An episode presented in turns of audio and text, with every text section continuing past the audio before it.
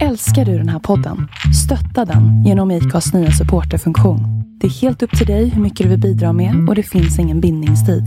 Klicka på länken i poddbeskrivningen för att visa din uppskattning och stötta podden. This Mother's Day, celebrate the extraordinary women in your life with a heartfelt gift from Blue Nile. Whether it's for your mom, a mother figure, or yourself as a mom, find that perfect piece to express your love and appreciation. Explore Blue Nile's exquisite pearls and mesmerizing gemstones that she's sure to love. Enjoy fast shipping options like guaranteed free shipping and returns. Make this Mother's Day unforgettable with a piece from Blue Nile. Right now, get up to 50% off at BlueNile.com. That's BlueNile.com. What is the source?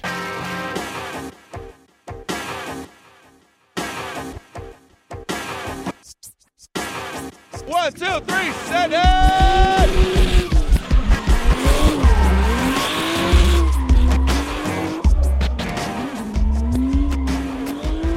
Dagens avsnitt av Driftpodden presenteras i samarbete med AssistMe. AssistMe är en app som eh, ger dig hjälp längs vägen, en assistanstjänst. Det unika med den här tjänsten är att den är personbunden. Den är alltså inte bundet till ett speciellt fordon. Utan är du ute och kör spelar ingen roll om du har lånat en bil, hyrt en bil, eh, har din egen eller vad det nu är så har du tillgång till hjälp genom Assist med appen. Det börjar som sagt med att du laddar ner appen och registrerar en profil och sen så väljer du en av försäkringarna som finns där och sen så är du skyddad. Skydden gäller i hela Europa och i och med att du sköter allting i appen så slipper du telefonköer. Du trycker bara enkelt på assistansknappen i appen och följer ärendet live i appen när du behöver assistans. Och vad kostar det här då? Ja, det finns lite olika varianter att välja på, men vägassistansbil som är då en personbunden vägassistans för en eh, vanlig personbil kostar från 45 kronor per månad. Vägassistans husbil finns från 54 kronor per månad. Res plus bil är en tillfällig tjänst eh, som ger en, eh, ett extra bra skydd för din planerade bilresa finns från 19 kronor per dag. Och Res plus husbil, då motsvarande tjänst för husbil, finns från 23 kronor per dag. Så kika in på assistme.eu och eh, ladda hem deras app så får ni fullt skydd på era resor i framtiden. Och tack så mycket AssistMe för att ni stöttar Driftpodden.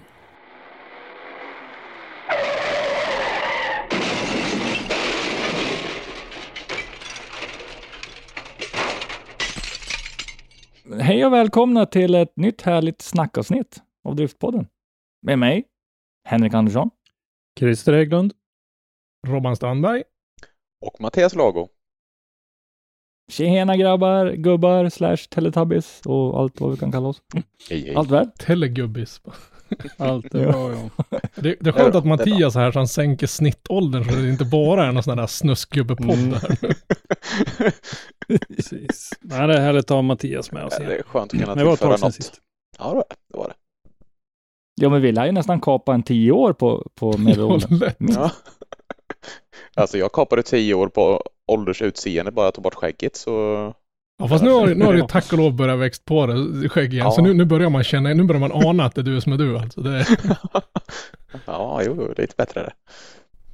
Dagens avsnitt kommer vara ett snackavsnitt med ganska mycket fokus på premiären som kommer upp. Gatubil Swedish Drift Championship presented by Meguiars.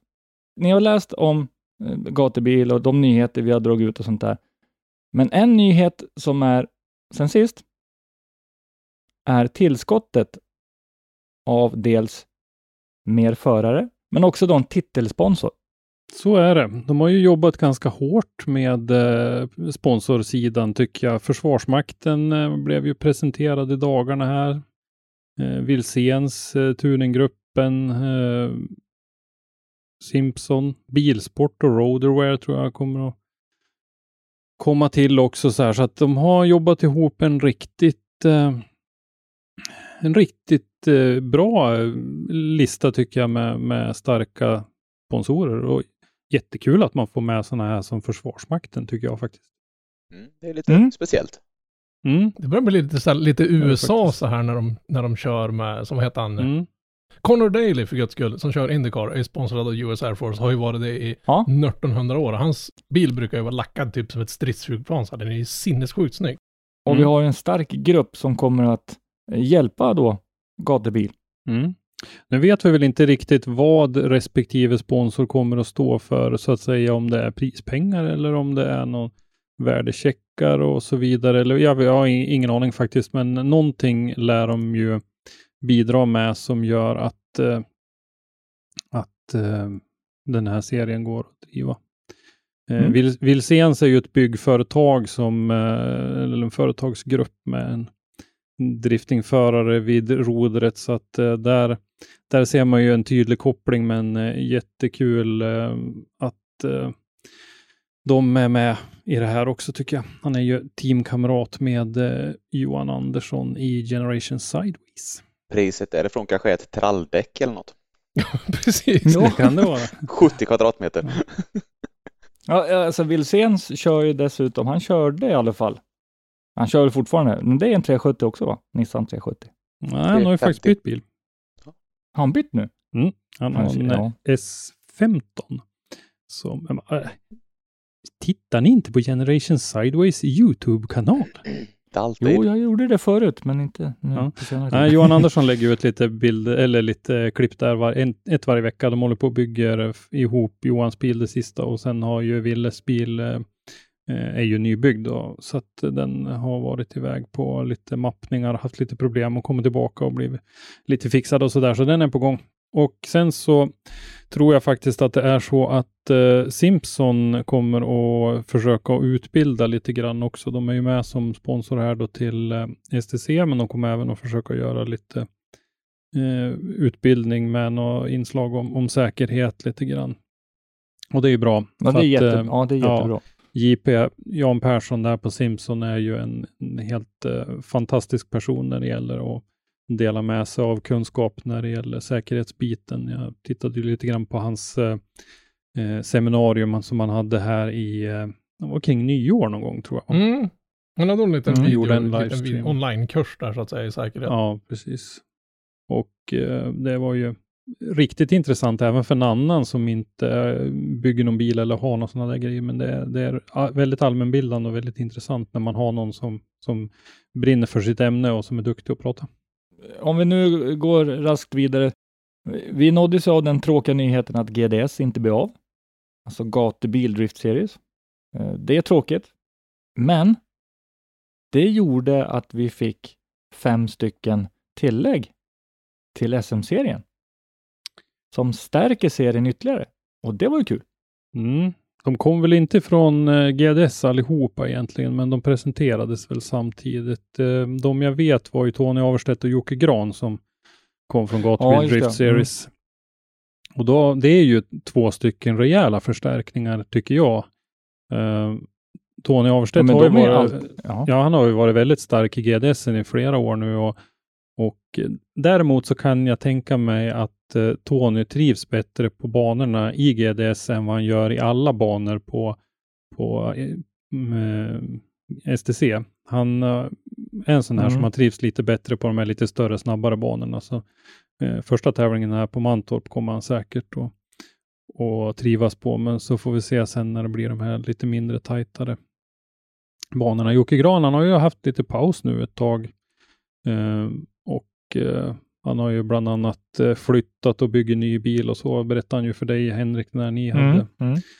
ert avsnitt där. Så han har ju inte tävlat på ett par år nu då, men eh, det är ju den Ja, gamla han- han var- välbekanta han var- 245 i alla fall som han kommer att köra med.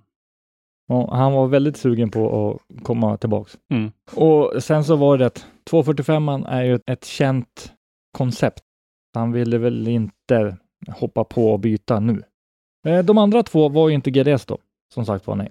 Andreas Lilja och Mikael Johansson. Ja, de har ju inte sagt någonting om det, men man hör ju lite grann tugget runt om i sådär och eh, jag tror att planen var att de skulle köra i norska serien i år. Just det, mm. Ehm, Norwegian Drift Championship. Men det är obekräftade uppgifter. Så eh, i alla fall så eh, har de eh, ändrat sig om det då, så att eh, eh, nu så kommer de att köra STC. Och det är ju lite samma där som det är med, med GDS naturligtvis, att det är ju svårt eh, även att passera gränsen för att köra en, eh, en norsk nationell serie. Så att eh, det, det är nog ganska vettigt att göra den där förändringen. Mikael Johansson såg jag var upp hit till Sundsvall och mappade sin bil på, hos, hos eh, Motor Nord för inte så länge sedan, det var förra veckan. Men det, det lät ju nästan som de, de körde en testrepa på, på, på Dynon. Ja, precis. Ja, den Ja. låter förbannat arg, bilen. Ja, den är Ja, det gör han. Och sen när han slår igång sitt system. ja, ledsen ja. Eh, Lilja är också stark. Ja. Och en kille som håller sig framme. ja, men absolut. Det där är ju de två som vann de här gatubiltävlingarna som var i höstas. De vann Ja. ju en varsin av dem där. Så de kommer ju vara vassa på första deltävlingen alltså nu. Det, eller Absolut. det kommer nog vara riktigt bra under hela serien alltså. Det, det är ju Ja. två killar som kliver in som är potentiella vinnare av det hela. Det är inte bara någon som är med för att Åh, ballt, vi hade ingen bättre för oss, vi, vi åker. De, det känns ju nästan som att det här är två killar som valde bort att köra SM för de vill upp en högre nivå. För Lilja Mm. allra helst tror jag Mm. tveklöst är, innan första start så är han liksom en favorit att ta hem hela. Det är väldigt starka förare de här, alltså som är på väg in alltså. Ja, ja, det är helt klart. Så att det är ju riktigt, riktigt ordentliga förstärkningar. Och den sista och den femte av de där nya som kom med nu på slutet här, det var ju Christian Erlandsson. Och där så vet vi väl inte riktigt. Det har ju fortfarande inte kommit ut någon eh, lista från eh, Driftmasters och de eh, förarna får ju inte säga så mycket, varken bu eller bä, så att vi har vi har eh, killat Christian lite under fötterna, men vi har inte riktigt fått något nå svar av honom. Så att eh, STC ska han köra i alla fall. Sen får vi se om han kör DMEC också. Oh, det, Mm. det vore verkligen ett jobb. Han är ju, eh, brukar ofta säga det, men han är ju våran eh, internationellt mest meriterade förare på senare år här. Han har ju varit med nu i DMEC alla åren när de har kört. Ja, men han har ju bevisat sig flera gånger om att eh, det är klart han kan köra.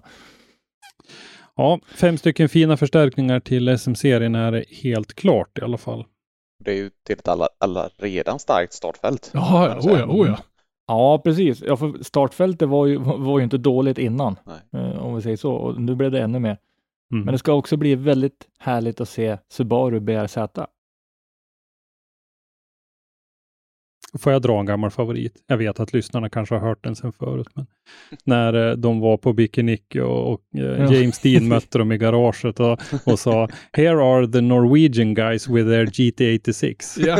Alltså här kommer norrmännen med deras Toyota GT86 och så var det svenskar med en Subaru BRZ. Den, det är en favorit alltså. ja.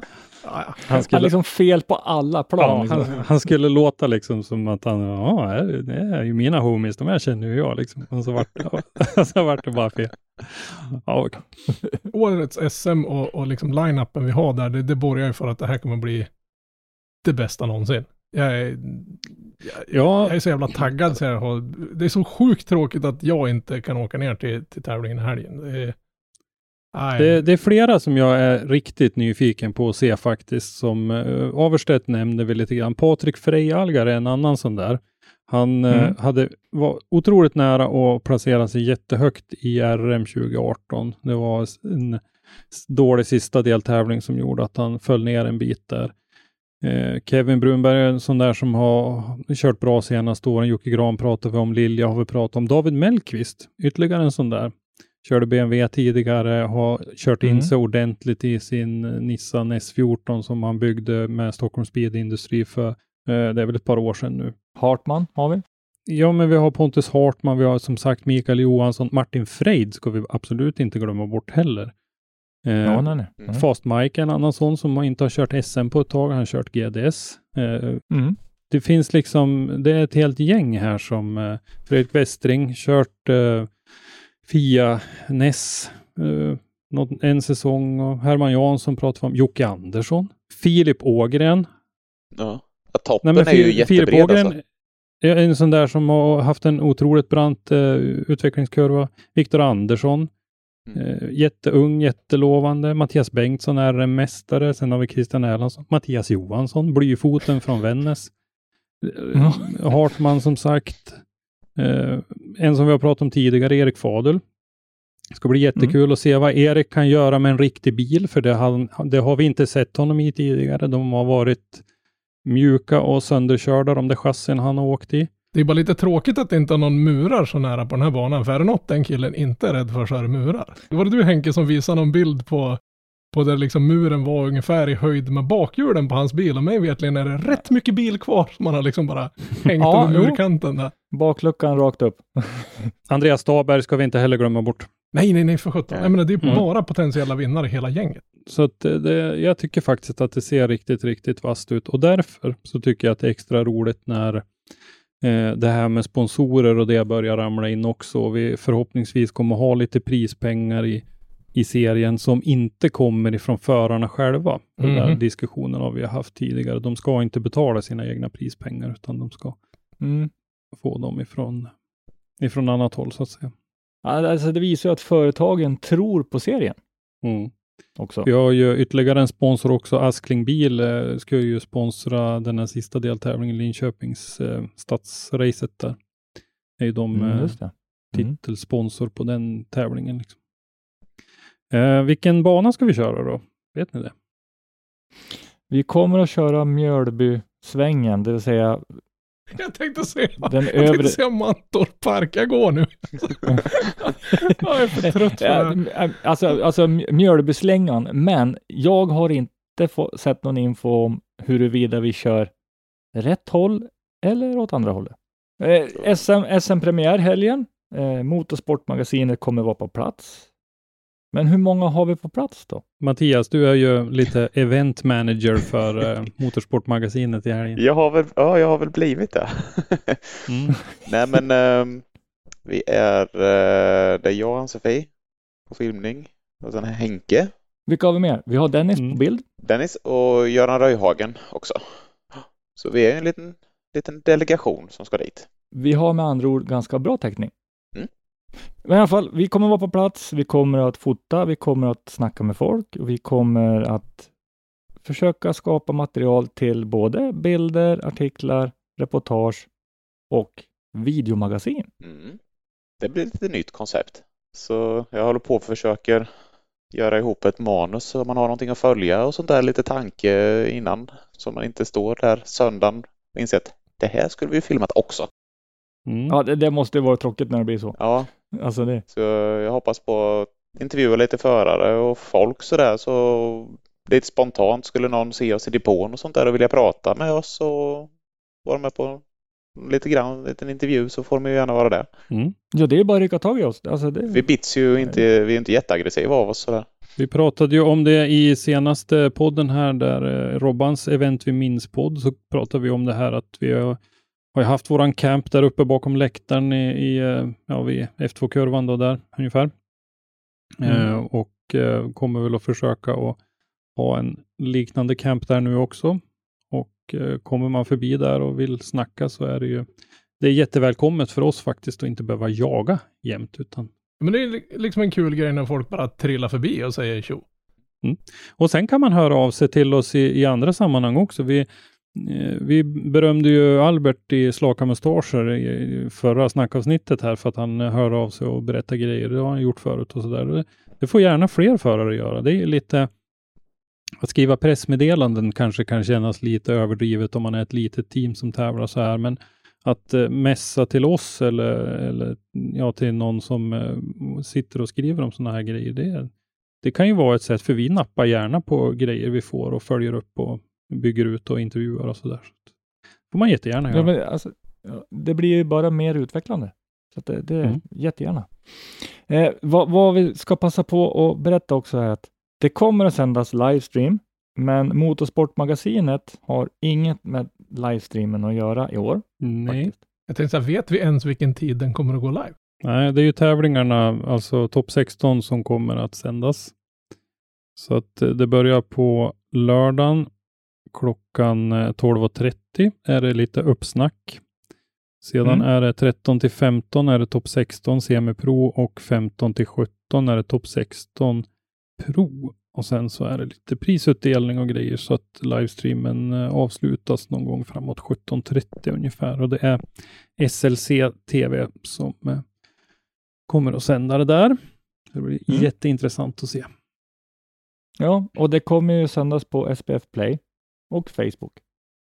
Precis, och även och på även Youtube. För Youtube. ja, Ja, precis. SLC TV har en Youtube-kanal där de ju bland annat sälj, eh, brukar sända det här eh, landskampen som går på Mm. hösten varje år som våra kollegor i Forsa-podden brukar vara kommentatorer på. Det tror jag vi har pratat om förut. Mm. Men jag, ty- jag tycker det är bra att, att vi har livesändning. Nu när det inte kommer någon publik så finns det väl nästan inget annat alternativ. Om, om vi ska till att killgissa så här riktigt ordentligt då. eh, Vem sätter vi högst upp på pallen? Vi och vi, tala för dig själv då. Ja, ja. det, är, det är inget sådär, det, det är inte något enhetsbeslut vi kommer att fatta. Det kommer säkert att Det kommer att spreta lite tror jag. Eh, Ja, ja, jag kan ju få börja gissa. Men jag tror faktiskt att Hartman eller Micke Johansson kommer att visa sig väldigt vassa och väldigt taggade just den här helgen. Det är min killgissning. Ska jag dra på en av dem? kör. Hartman, Micke Johansson i final, Mattias Johansson och Herman Jansson i battle om tredje. Du tänkte så långt till och med? Robban. Nej, alltså, jag, jag sitter här och tänkte bara, ja, men jag, jag tänker slänga in två stycken brandfacklor i det här, tänkte jag när jag skrev den här pra- panelens gissning, vem vinner deltävlingen? Herman, för det är Local Boy och sen Fordkungen Hartman. Jag, jag kan inte säga vem av dem jag tror mest på. Jag tror att de två är hungrigast. Jag funderar på en final mellan Micke Johansson och Joakim Andersson kanske. Mm. Ja, inte heller dum. Det, det, Kanske Mm. Lilja och Hartman om tredje fjärde. Ja, Lilja slängde ju in, det vart ju helt plötsligt, det vart, när när jag satt och tittade så bara, ah, vänta här nu, det är, han är nästan tråkigt bra. Men- vi, vi har för många namn. Alltså det, det går ju inte att välja egentligen. Har vi eh, wildcardsen? För tävlingen? Det borde, eller är det med på listan? Nej, Nej, jag det kan jag- eh, har faktiskt inte fått några namn eller något besked om det. Det är James Dean och Daiko Saito. Ja, men vi vet att det, Det- finns, eh, det är, wild, det, det är någon form av wildcard. Om det är card eller cards vet jag inte, men eh, jag vet att det, någon är i alla fall. men det har, ja, det har inte släppts vem. Nej. Inte vad jag har sett i alla fall. Det kanske är så att de väntar med att hålla på det tills till eh, samma dag som, ja, alltså de kanske inte presenterar det förrän tävlingen drar igång. Det ska bli väldigt intressant och jag hoppas verkligen att jag kan lyckas fixa min framvagn så att jag kommer framåt. Mm, Ta bussen. Med däck. Ja, ta bussen. Finns det ingen åkgräsklippare i närheten? du kan slå? Ja, det hade varit grymt. Det tar ju en stund. Åkgräsklippare i 27 mil. Det var ju någon kille som åkte uh, gräsklippartraktor i, eh, var det inte från Haparanda till Ystad för, vad var det nu då, 15 år sedan kanske, som var med i uh, någon radiokanal Men hela var, det, vägen. var det en kille, jag för mig det var Stiga, de som gör med åkgräsklipparna, som hade någon stafettgrej mellan alla Stiga återförsäljare i Sverige. Ja, nej, det är inte den jag tänker på. Det var en och samma gubbe som körde. Jaha, åh fy fan. Ja, sitta och åka då. Eh, ifrån mig så är det då närmare 30 mil. Du får ju typ åka nu. Hur fort, ja, hur, hur fort går gräsklippartraktorn? Ja, 15, Tio. 20 kanske, om du får lite fart på han. Ja, börjar jag köra, fr- kör fredag morgon så är vi framme lördag morgon kanske. Kung, Ja. Gjort. sitter du här för? Det här utspelade sig 2007 och han heter Kjell Fundin. Han har gett sig ut på en riktigt lång resa. Han ska köra Haparanda till Ystad på en, en gräsklippare. Det är lite tröttsamt, säger han till Expressen. No shit. Lite tröttsamt. Ja. Men det är lite skönt att det finns några människor som gör en sån där grej. För då framstår ens eget liv ganska normalt. Eh, om vi hoppar raskt vidare då till lite mera internationella saker och lite större än en gräsklippare då. Så Fia IDC släpper ju förarnamn hela tiden tycker jag. Mm. Mer eller mindre. Nu har det kommit fler förare. Kända och okända, kan man väl säga. Ja. Mohammad Hamdan från Malaysia. Ingen jag känner till överhuvudtaget. Aldrig hört talas om det. Nej. Sergej Sak, eh, någon eh, mästare från Vitryssland som jag tänker fortsätta säga. Eh, 2016-2017 och har vunnit något Eastern Europe Drift Championship och lite sånt där har väl varit med i IDC förut någon gång också. Men en som jag tyckte såg lite mer intressant ut var ju Sergej Kabargin från eh, Ryssland som ju har en Mm. Flanker F Drift Car som han har byggt själv då. Någon specialare. Det var väldigt mycket? Corvette-del. Ja. Mm. Men eh, intressant namn också. Flanker är ju en, eh, en eh, det är ju ett NATO-namn på en, eh, ett eh, sovjetiskt jaktplan. Som en Viggen-pilot kurvade, så flankerpiloten hängde inte med i Viggens kurvor så han flög ihjäl sig mot havsytan en gång, bland annat. Det, var- det var alltså inte byggt på en Trabant då? Nej. Nej, det är bra. Men den var väl på gatubil Rudskogen 2019 va? Var inte den flankern där? Eller ett par Mm. stycken. Har jag minne. Så Det kan Ja, tänkas. ja, det kan det vara. Mm. Det finns ett fint eh, Speedhunters eh, reportage om den där. Som man kan kika på om man vill. Ett riktigt spännande bygge. Så den ska bli kul att se faktiskt. Och han är ju är väl ganska hygglig att köra vad jag förstår också den här eh, Kabargin. Så att eh, det ska bli kul. Och sen har vi ju en annan gammal favorit. Eh, Dimitri Iljuk.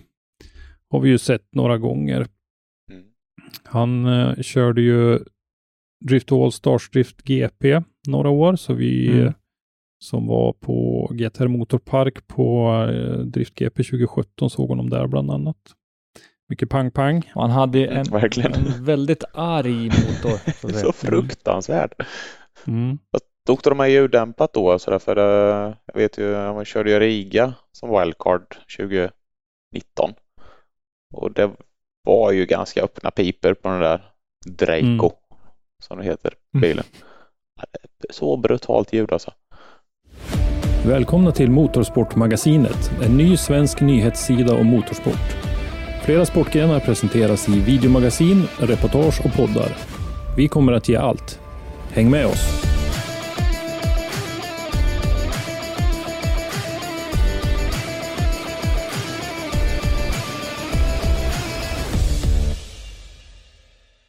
Ja, det var väl det som var förarmässigt då där för IDC och sen så har man ju även presenterat att Ryan Lantain kommer att vara bedömare. Han är ju extremt duktig. Och han, har ju, han är ju en av dem som har varit drivande i att likrikta driftingen runt om i världen. Det här att skriva ett, eh, ett eh, bedömarreglemente som skulle gälla runt om i världen. Och han har ju åkt runt och varit bedömt. Han har ju varit här både i Swedish Drift Championship och i Gatubil Drift Series. Så att han är ju en av dem som har gjort ett jättestort jobb för att driftingen ska vara så lika som möjligt på, på olika ställen. Men det blir liksom ett steg att det blir, att det blir, vad ska man säga, mer internationellt erkänt. När det är, ja det blir, det blir en internationell sätt att bedöma och det, förr eller senare kommer det bli ett, ett FIA-reglement att bygga bilar efter på, på högsta nivån också. Så då blir det ju som, som de stora riktiga sporterna, om man nu ska kalla det för det. För, i- Ja, men då, då det går blir inte det en massa ordentlig VM-serie. Ja, men det går inte att ha massa lokala avvikelser här och där och där bedömer man på ett sätt och där bedömer man på ett annat. Ja, då är det, ju, då är det ja. nästan omöjligt att tävla i, i andra länder. För då måste du Mm. liksom lära dig om hur du ska bete dig på banan jämfört med hur du kör hemma så att säga. Ja, det är intressant. Jag, ser- jag ser fram, fram emot många event i år. Faktiskt. För många har tagit ytterligare kliv i utvecklingarna. IDC fick ju enorma eh, minuspoäng, men de har ju liksom tagit till sig vad resten av världen gör. Det är bara att hålla att- tummarna att de här serierna blir av. Ja, jo, Inte få låta som någon jättepeggoneggo här men men det, vi lever ju fortfarande under samma förhållanden som vi gjorde i fjol. Och du vet ju hur det gick för vissa serier där. Att det var typ bara pannkaka av alltihopa. ja, och man har ju inte hört att det blivit bättre. Nej, snarare tvärtom. Ja, raskt vidare. Drift Masters Virtual Championship har fått en mästare. Precis. Rys Tatterson. Från eh, Pro Drift Academy-teamet var det som Ah, tog hem det där. Han tog hem eh, femte deltävlingen och då vart han även mästare i hela säsongen. Så han vinner ju eh, då den här provkörningen av Piotr Wieseks eh, med- S15 där. Ja. Ja, den riktiga driftbilen där. Ja, och eh, över fem deltävlingar och de hade 96 olika virtual drifters eh, som var med på det där. Så att eh, det var, ja, det var, det var en intressant grej det där att köra en sån där serie. Det var, det var bra till vissa delar. Jag tycker det finns förbättringspotential i, vissa andra delar. ja, men så Eh, finns det ju. Ja. Ja. Och eh, jag vet inte om det kom kritik från fler håll för att på slutet, sista deltävlingen här, så hade de ju flaggor på bilarna och sådär, eller på i, i grafiken och sådär, så att man skulle se vart förarna kommer ifrån och så. så Mm. att, för det, det saknades ju väldigt, eh, tyckte jag från början. Och vi har, Men eh, det, ja, fortsätt. eh, det de däremot visar, det är att tekniken finns ju. Och det finns ju möjligheten att även utveckla där. Mm. Rätt coolt första pris. Ja, det är det faktiskt. Eh, Vi, eh, vi har ju faktiskt fått eh, kontakt också med Pontus Jakobsson som har varit en svensk representant i det där tillsammans med Alexander Holstner. Så Mm. att vi kommer att ta kontakt med Pontus och eventuellt Alexander och eh, snacka lite grann om det här, om deras, de som är inne i gamet. Vi står ju utifrån och kan ingenting om det här och eh, tittar på, utan vi, vi bedömer ju mer, om man säger tv-underhållningsvärdet i det. Att eh, jag tycker att det var många duktiga förare. Det fanns i, på den tävlingsmässiga delen tror jag att det såg riktigt bra ut. Och då tycker jag att det är lite synd att eh, sändningen och vissa delar, jag kritiserar kommentatorerna lite lätt någon gång tidigare. Så där. Jag tycker det är lite synd att det drar ner helhetsbetyget eller helhetsintrycket av, av tävlingen Mm. när det, när det är bra körning och bra förare som är med. Men vi ska ta kontakt med, med Pontus och Alexander så ska vi prata lite grann med dem i podden vid något tillfälle här. Det var intressant. Väldigt intressant namn på han som kvalificerade sig bäst. Jag tänker dess försöka kan jag säga. Tikon Polesky. Nu sa jag det he- säkert helt Ja, ja, ja, galet, ja, jag, jag, kö- jag köper den. Jag skulle inte ha lyckats ett dugg bättre kan jag säga. Ja, det här är ju intressant ändå, för det är ju folk från väldigt många olika länder och kulturer och sånt där som, som möts och, och kör i sådana här tävlingar. Så att, Det är ju det som är liksom styrkan med en sån här grej. Att du, kan, du kan ju sitta Mm. vart som helst så länge du har en skaplig internetuppkoppling och vara med och tävla. Och det Mm. såg vi Ja, under ja. hela fjolåret också när de körde alla tänkbara VR-serier, typ Indycar och grejer. Där var det ju folk från i stort sett, jag menar, till, de hade ju till och med med någon, någon sån här supertruck, eller sån här stadium truck-folk som var med och, och, och körde VR Indycar. Det, alltså, det gick ju crap för dem, men, men ändå, alltså det, det är folk Mm. från alla olika hörn som är med och tävlar mot varandra. Och det gör ju liksom säkert Mm. att de etablerade, som i det här fallet Indyförarna, tycker det är skitkul att liksom kunna köra mot någon som är världsmästare i rally eller en massa F1-förare och såna grejer. mm. Ja, det är intressant och det är intressant att se att tekniken går framåt. Eh, vad jag tror att man måste tänka på om man nu skulle sitta och dra ihop en sån här grej, det är att behandla sändningen som om den vore live. Mm. Jag tror det är där man tappar lite grann i, i, i det här med kommentateringen och sådana grejer. Men det är ju rätt att ta det efter, eftersom det här är bara ett dataspel tycker en del. Då. Men, Ja, men ja. de som sitter och kör det, de satsar ju lika hårt. Skulle jag nästan Ja. våga stoppa ut hakan och, säga. För jag var ju kika på när de körde VR-SM i, under SM-veckan i Sundsvall, där under vår första SM-deltävlingen. Alltså de grabbarna slet ju minst lika jävla hårt. Alltså när det inte var tävling, de hade fyspass och grejer. Så de, de här satsar ju stenhårt på det här. Ja, Mm. jo, ja men det, det är så, som, som en förare, bara det att han har inte bilen Ja, med resten. Ja, en del av dem har ju en rigg som kostar nästan som en bil. Alltså det är ju några sjuka pengar man kan blåsa på sådana grejer. Jag kollade på en rigg här för, för ett tag sedan och den kostade 53 000 dollar. Ja, billigt. Var det sån där stjärtspolning på den toaletten Ja, som ja, följde med då eller? Var det eluppvärmd ring på den? Ja. Har du hängt med någonting Mattias i, i eh, den här virtuella? Alltså jag har väl kollat lite på de här DMVC. Mm. Ehm, Alltså jag tyckte väl det var väldigt kul med Riga-banan, eller alltså Bikiniki var ju kul att se. Deltävlingen kändes ju väldigt realistiskt och så, måste jag säga. Mm. Det är ju lite lättare att trycka, trycka på oh shit-button och sådär. Man skulle sk- klippa i den bilen man kejsar så att säga. Så det finns ju vissa fördelar onekligen. Mm. Men eh, det vore kul att testa eh, lite virtuell drifting faktiskt någon gång. Om, Mm. om tillfälle skulle ges faktiskt. Jag hoppas på någon sån här framtida Elmia, om vi nu blir någon sådana någon fler gånger, att det finns någon sån setup som man kan liksom prova på där. Mm. Det finns ju folk, jag menar, Micke Wunderbaum, några gatubil så har han haft med sig riggen.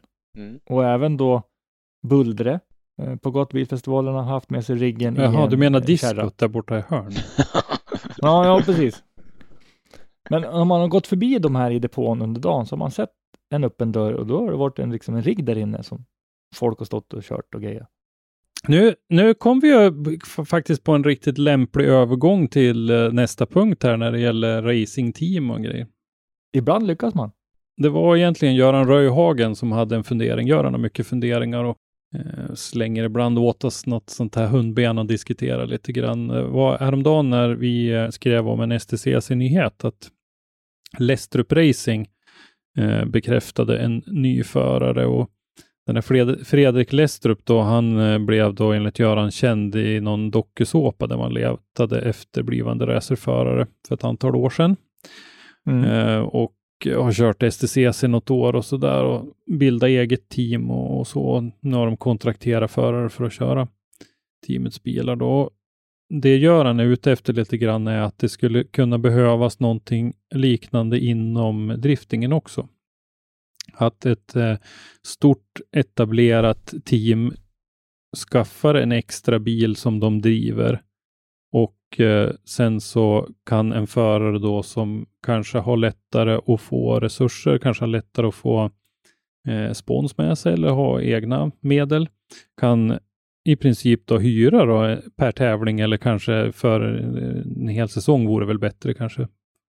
Men eh, att eh, exempel då, exempelvis Drift Brothers som redan eh, driftar två bilar då, att de har en tredje med sig som eh, någon kommer bara dit med, med hjälmen under armen och kör, för det är ju så det funkar i en del andra klasser. I eh, V8 Thundercars vet vi att vi har den där lösningen. Vi har ju några av de här STCC-förarna bland annat och så. Så att, eh, ja, vad tror ni om eh, Görans idé? Ja, det är ingen dum idé faktiskt. Det är just det här pay to drive, om man säger så. Mm. Men det är väl liksom också ett, ett naturligt steg i, i sportens utveckling. Nu är vi kanske inte där redan än, men, men det är väl någonting, vi, vi snackade väl lite om det för några avsnitt sedan, om att bilda liksom stall på något sätt inom driftingen. Mm. Om det liksom kommer att komma till Sverige så småningom, lite som, som din och Wieseks var väl nästan ett litet stall där de körde ihop. Mm. Mm. Ja, jag kan se att det funkar. Så länge folk har råd att betala för, för sin styrning så att säga.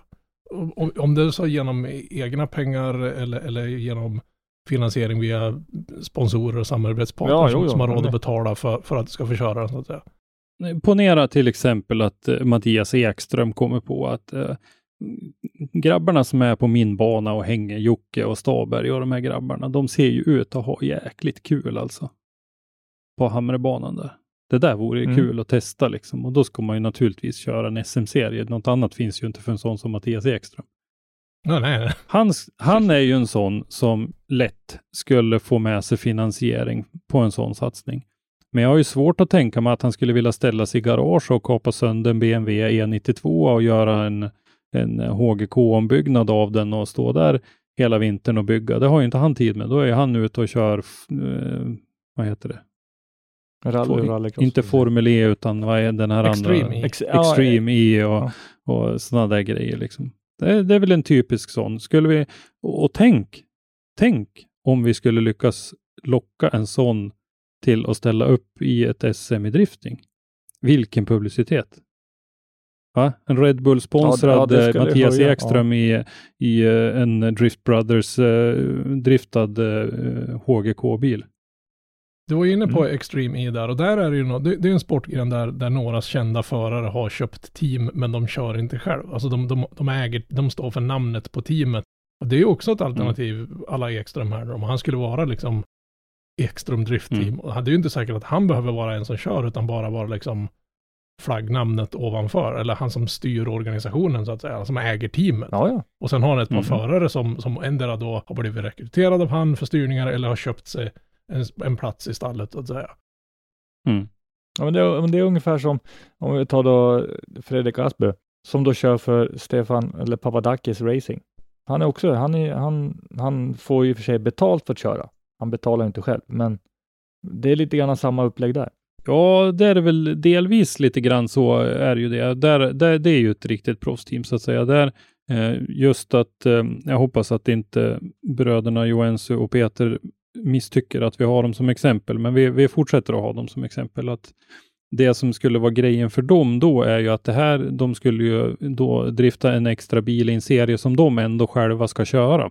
Mhm, ja. Så att Mm. de är ju, Ja, ja. det är ju inte ett, ett proffsteam med bara lejda förare, utan de, de eh, och, och drifta tre bilar istället för två kanske inte är jätte, jättemycket dyrare, så att de delvis finansierar sin, sin egen, eh, sitt eget tävlande genom och, och, delvis just eh, om vi fortsätter som sagt att ha dem som exempel så vet vi att de sköter ju om bilar, de bygger ju bilar och de sköter om bilar åt, åt andra förare redan idag, men inte riktigt på eh, fullt ut den här nivån som, som Görans idé och som Lestrup Racing i STCC gör. Men det är, det är spännande tankar och man hoppas att man någon gång kommer fram dit. Eh, En, en, en sak som talar lite emot det är väl det här att man, man knallar ganska fort igenom seriesystemet eller vad man ska kalla det här i, i Sverige. Mm. Vill man Ja, utvecklas så vill, då vill man vidare och då, då hamnar man i Gatubil Drift Series kanske något år och så sen så ute i Europa eller någonting. Men har inte det lite att göra med att, att vi inte har stora prispengar i Sverige? Jo, För det, det, det är liksom, Jo, men det, det- det, när det kommer till tjuven och sist så så det kostar ju pengar. Och någon, man vill ju Mm. inte bara få tre liter olja för att vinna ett SM-guld. Alltså du, du vill ju ha, Ja, och nu hoppas jag ju att de inte får en burk med putsmedel istället för de där oljeburkarna.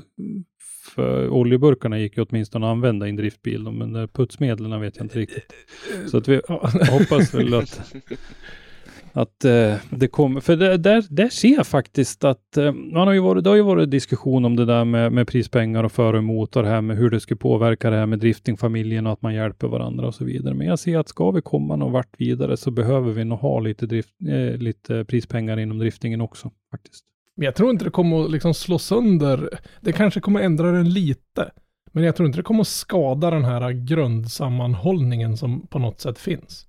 Jag, Jag tror det är en djupt rotad kultur Ja, ja, men precis. som det är nu. Det, eh, um, sett på lång sikt kanske det kan komma att påverka, men jag tror inte att det kommer att ha någon omedelbar effekt. Eh, Om, om vi då liksom som vandrar lite raskt vidare så här lite fint, eh, snedda lite runt hörnet och sånt där. Ja, över pölen, ja det är en ganska stor pöl härifrån då. Nya Zeeland. Vilka förare som kommer från Nya Zeeland som man har hört om? Eh, vi pratade ju lite grann som sagt om eh, serien förra gången och sa ju att eh, Mad Mike var väl den mest kända föraren och sådär. Eh, påpekades att Royce Millen var ju också, fast han var ju ganska tidigt ute och var ju samtida med Samuel Hübinette och vann ju eh, Formula Drift i USA 2005. Så att han var, det är ju Ja, också just en det, av de där. Ja. Ja, en av de stora som var tidigt ute. Mad Mike är ju lite mera sentida. Ja, så precis. har vi tagit upp det också. För Nya Zeeland är ju inte en liten motorsportsnation. Men de spottar ju sig, Nej. det, det är en ganska liten, nu får jag säkert stryk, Nation. men det är en ganska liten nation jämfört med grannen om man så säger. Men, och nu är ju Mm. risken hård att jag börjar loopa igen med en Indycar. Det är liksom min lilla favoritserie då, men där, där finns det, där kryllar det av dem. Men här, vi har ju Scotty McLaughlin och Scott Dixon till exempel. Det- De är lite som Finland som skjuter ut rally och F1-folk till höger och vänster. Och det är helt obegripligt hur, hur de kan spotta ut så många med den talangen. Men Nya Zeeland är också en sån nation. Ja, men finska rallyförare, alltså de föds ju med, med, Ja, ja. med ratten. Men jag det, undrar om det inte har att göra lite med hur kulturen är i att hjälpa nya förare upp. Men i Finland, där hjälper man varandra på ett annat stadie. När det kommer en finsk yngre förare på väg upp så, så hjälper liksom de här gamrävarna han lite på, på traven och ger han lite mer tips och, och grejer. Så att det, det är fort lättare för dem att komma ut i världen snabbare. Och vi har väl inte Mm. riktigt den kulturen inom svensk motorsport än. Nej, men vi, har- vi har ju mer- börjat få. mentorskap typ. Ja, men, men de mentorskapen har ju börjat visa Mm. sig ge frukt också nu när vi har Dino Beganovic i Formula Regional Europe Mm. i Jan Championship i Alpin. Det är världens, det, namnet tar lika lång tid som eh, loppet. Ja, typ. Eh, oss där vi har Rickard Rydell som är, är manager och, och hjälper honom och eh, Linus Lundqvist eh, har vi ju och eh, borta i USA, nu kommer jag inte ihåg vem det är som är manager åt honom. Men Inte eh, jag Översten. tänkte säga, inte jag har att det- inte Löfves med jag tror att också? har något eh, finger med i spelet där. Eh, Felix Rosenqvist har ju Lill-Öves också. Men vi ser där att när, när vi har de här förarna som har varit etablerade eh, internationellt och som vill ta på sig mentorskap för eh, yngre så, så kan det ge frukt. Mm, oh ja, oh ja. Och det där var ju en, en, en jäkla bra radda med, med folk du drog upp där. Alltså det är det, det är ett solklart fall av, av, av lyckat samarbete så att säga. Ja, ja det, det skulle vara väldigt intressant att, att få en, en svensk storstjärna som etablerar sig i Formula Drift till exempel och se vad det kan ge för, eh, för effekt några år senare. Om, om vi får fler som vågar satsa utomlands och framförallt om vi får fler eh, samarbetspartners som, som ser möjligheten att eh, marknadsföra sig utomlands. Eh, För det är ju också en grej i Finland bland annat att eh, det finns företag som har, redan har provat och sett att det går att, att marknadsföra sig via de här kanalerna. Och, det är inte frågan om att det är brist på talang i landet, utan det är ju mer att det, det krävs Mm. så fruktansvärt mycket pengar för att ta sig ut och visa upp vad man går för. Och då gäller det att ha stora samarbetspartners. Som, jag menar, Mm. igen, menar Marcus skulle inte ha kört Indycar om det inte hade varit för Husky Chocolate. och han är ju med på, eller de är ju med på Dino också. Ja, ja men precis. Och det, det är ju en jättestor, så vi måste få in någon, vi måste bjuda Husky Chocolate till, till, till drifting. Jag tror att de, jag menar, Ja. de, de, de verkar gilla balla motorsporter och det blir inte ballare än så här. Alltså det blir inte mer show än det här. Nu, Ja, eh, ja. vi har hållit på att prata ganska länge så vi har väl tappat de flesta lyssnarna Ja. så jag vågar väl säga vad jag tycker för nu kommer jag väl att få skit igen för att jag är uppe i arslet på eh, utskottet. Men eh, jag tycker att den här satsningen som görs på SM i år, jag tycker att den är helt rätt. Jag tycker att den känns jättebra. Jag tycker att eh, gatubils promotorskap känns bra. Och nu när de raddar upp alla de här sponsorerna så känns det som att vi har tagit ett steg i rätt riktning. Det har varit alldeles för mycket Hawaii i driftingen i Sverige för att stora företag, vi har haft stora företag, vi har haft team, Meguars bland annat som vi har pratat om här, de hade ju ett eget team Mm. för ett gäng år sedan. Men det, det har ju varit så mycket Hawaii fram och tillbaka och hit och dit. Så att vi har ju tappat bort en del av dem där, tyvärr. Så nu måste vi visa på lugn och struktur och, och få någon ordning och reda tror jag innan vi lyckas locka tillbaka en del av de här stora. Men kan inte det bero på att sporten inte var riktigt mogen när de här stora pamparna klev in? För de, de Ja. kanske trodde, säga, som Maguire till exempel, kanske trodde att det här är en sport som är på väg upp nu, men de kanske stampade in för tidigt innan sporten var redo för att ta det, alltså sporten som sport var redo att ta det klivet upp. Och nu, nu känns det som att den är Mm. och där. innan utövarna var redo skulle jag Ja, vilja ja men säga. precis, det är det jag menar. Och liksom sporten och utövarna, nu är sporten där. Det är den som lockar till sig ungdomar. Som i sin tur kommer Mm. kanske och, och när de blir lite äldre, när de har slutat, när de inte vill åka på tvären längre, kanske de vill åka fort istället, så knoppar de av till racing eller rally eller någonting sånt där. Ja, vi har ju vår, vår egen eh, videograf som är rally, rallytokig. Ja, Inte Ja, bara tokig, utan rallytokig också. att just tillhöra den här kategorin som tycker om att, eller tycker det är helt okej att sätta sig bredvid och läsa karta och läsa noter i en 180-200 i skogen. Det är väl inga konstigheter. Är det så Mattias, att skulle man kunna säga att du skulle kunna sätta takten? Det Om är du läser noterna fortare så måste ju föraren se till att köra liksom fortare. få mer fart. Ja, ja, ja. ja. Ja. ja. Och läser jag för långsamt då blir jag föraren osäker och tempot sänks. Så det är ju en fruktansvärt tight dynamik i rallybilen. Ja, det kan jag tänka mig. Ja, Det kan jag det tänka är mig. fantastiskt kul när det funkar. Men inte så Det- kul när det inte funkar. Man har ju sett några där, där föraren inte har lyssnat. Man, man- det finns en massa klipp på nätet där det, det sitter någon kartläsare och skäller ut föraren för han inte lyssnar på han, hans noter. Liksom så här riktigt grova grejer. Så här. Ja, det, det är skitfränt. Men det är bara ett bevis på, det, är- det är en lagsport. Oh ja. För förut då var det rallyföraren, punkt slut. Mm. Men nu, är det, Ja, det var nu, det. nu, är det, nu presenteras du med, som ett par, alltså som ett team. Ja, Ja, det är ju Co-driver det säger man väl också i, Ja. för att få bort lite grann av det där.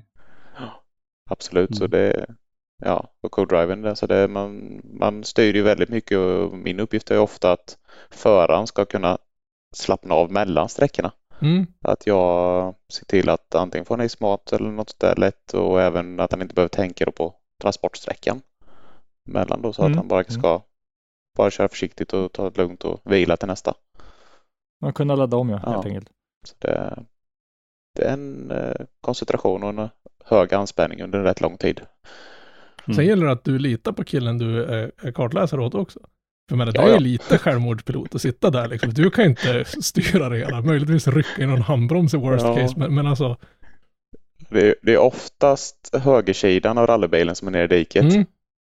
För den är billigare. Ja, men det såg vi på det där, på, våra, på ditt lilla klipp du gjorde också, när jag påpekade att den där gula golfen hade ju världens flyt när han klippte den där höbalen, så bara, det var vi, tyckte du.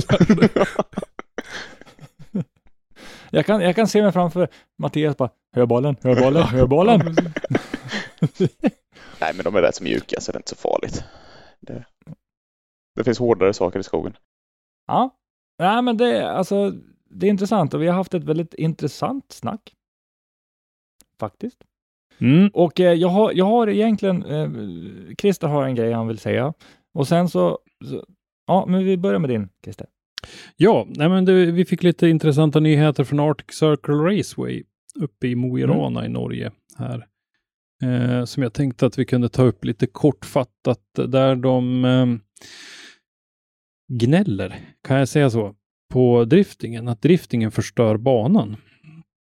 Och eh, det där var lite intressant och det togs upp i en eh, Facebookgrupp och jag vet ju att det förekommer ju ibland lite kritik här i Sverige också. Mm.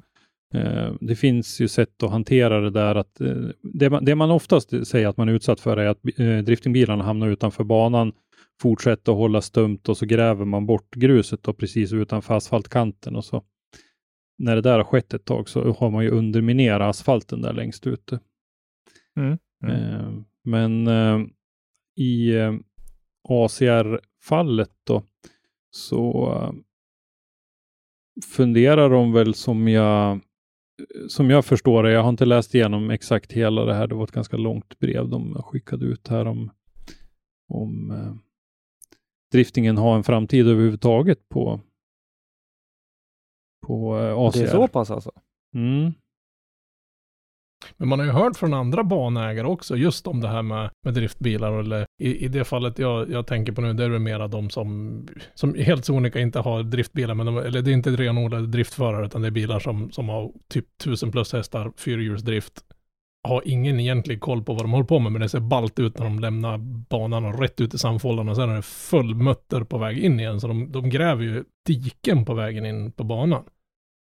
Ja, men det där har varit, varit uppe på diskussion flera gånger. Och jag vet att det finns banförare som har lagt med när de hyr ut banan kostnader för skador Mm.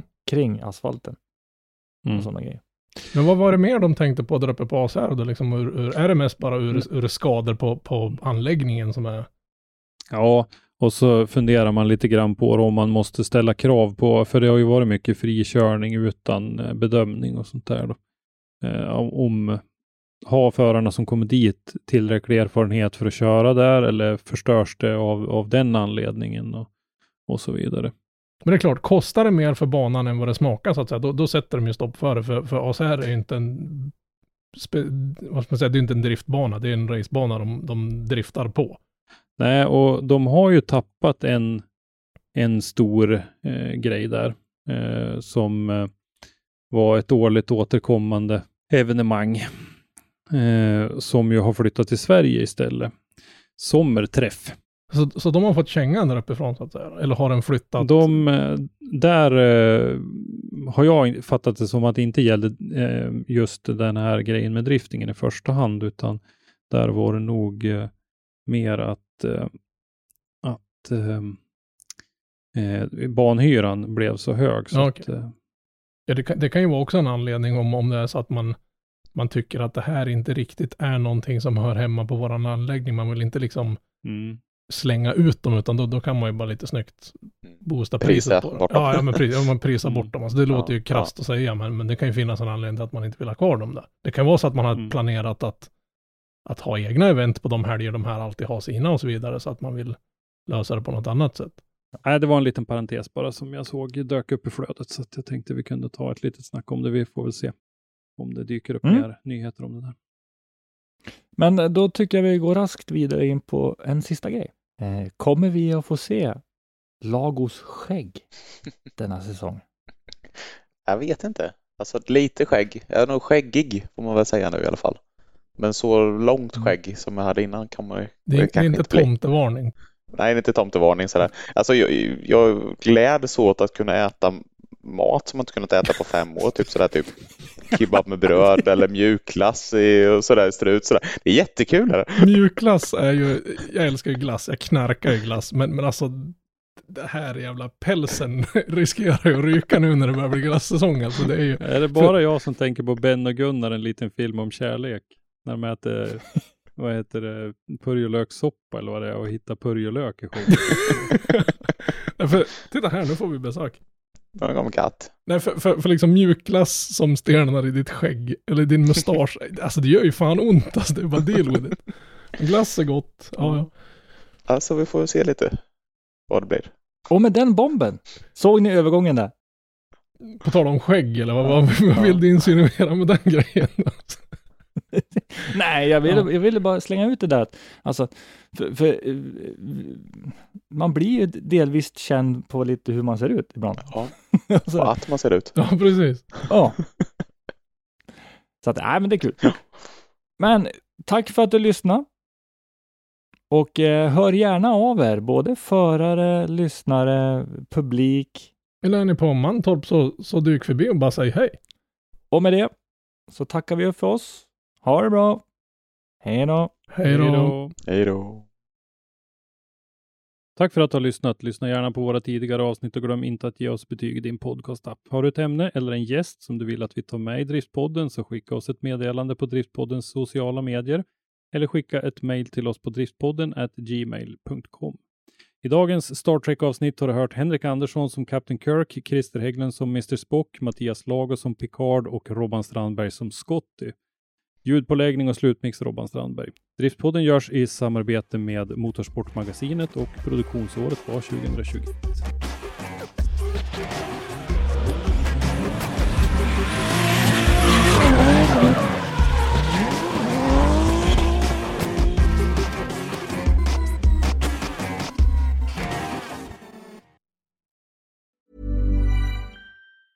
Mom deserves the best, and there's no better place to shop for Mother's Day than Whole Foods Market. They're your destination for unbeatable savings, from premium gifts to show-stopping flowers and irresistible desserts. Start by saving 33% with Prime on all body care and candles. Then get a 15-stem bunch of tulips for just $9.99 each with Prime. Round out Mom's menu with festive rosé, irresistible berry chantilly cake, and more special treats. Come celebrate Mother's Day at Whole Foods Market.